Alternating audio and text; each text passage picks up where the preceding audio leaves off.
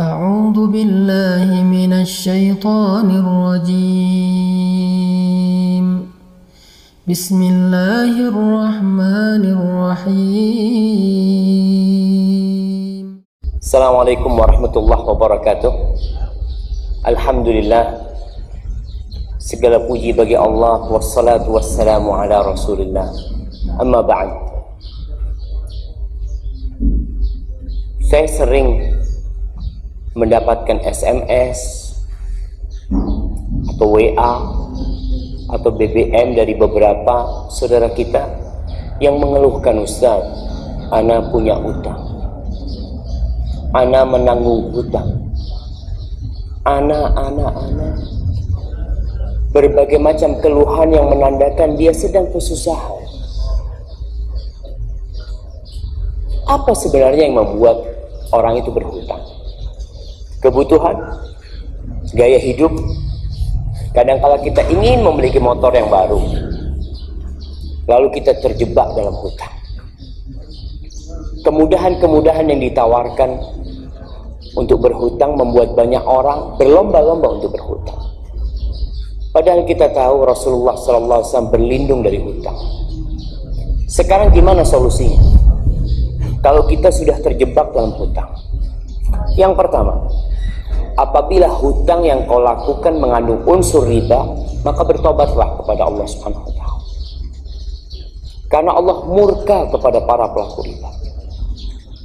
Bahkan Allah mengumumkan perang kepada mereka yang melakukan riba. Tapi Ustaz, kita ini udah tobat. Alhamdulillah Allah udah kasih hidayah. Tapi gimana dengan tanggungan-tanggungan hutang yang belum bisa terbayar? Kadangkala utang itu utang orang tua, atau utang siapa yang menjadi tanggungan kita. Jangan takut. Allah itu Rabbul Alamin. Dia yang memiliki alam semesta. Dan alam semesta ini kelak akan Allah hancurkan semua. Bumi, kita akan melihat bumi kelak menjadi rata sama tanah. Maka kalau kau memiliki utang sekedar satu miliar, dua miliar, tiga miliar, itu kecil buat Allah Terus gimana caranya kita yang sudah terjebak ke dalam hutang? Ya minta sama Allah. Minta, kencengin tuh doanya. Bangun tengah malam. Cari waktu-waktu mustajab. Di antara doa yang diajarkan oleh Rasul Sallallahu Alaihi Wasallam. Pernah dalam hadis riwayat Tirmidzi ada seorang yang menjumpai Ali bin Abi Thalib radhiyallahu taala anhu. Dia mengatakan ya Amirul Mukminin, inni ajaztu an mukatabati fa'inni. Wahai Amirul Mukminin, aku ni punya utang untuk membebaskan diri. Tapi aku udah gak mampu. Maka bantulah aku.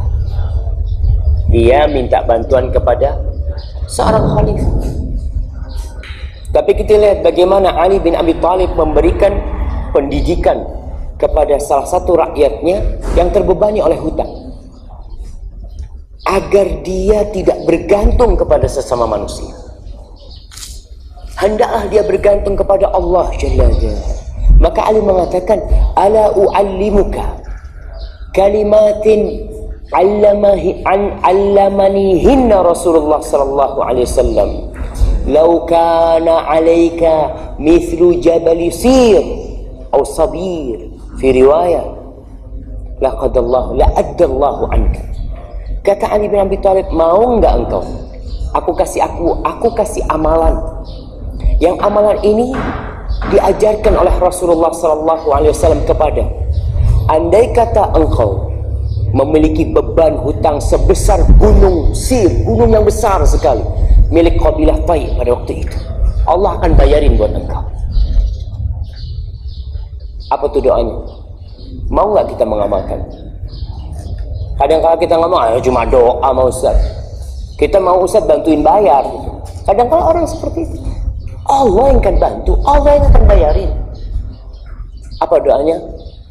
Allahumma kfini bihalalika an haramik wa aghnini bifadlika amman siwa.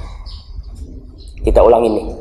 Allahumma kfini bihalalika an haramika wa aghnini bifadlika amman siwa Ya Allah cukupkan aku dengan yang halal dari engkau supaya aku terhindar dari yang haram dan kayakan aku dengan karuniamu supaya aku nggak butuh sama orang sama, sama selain dirimu ya Allah.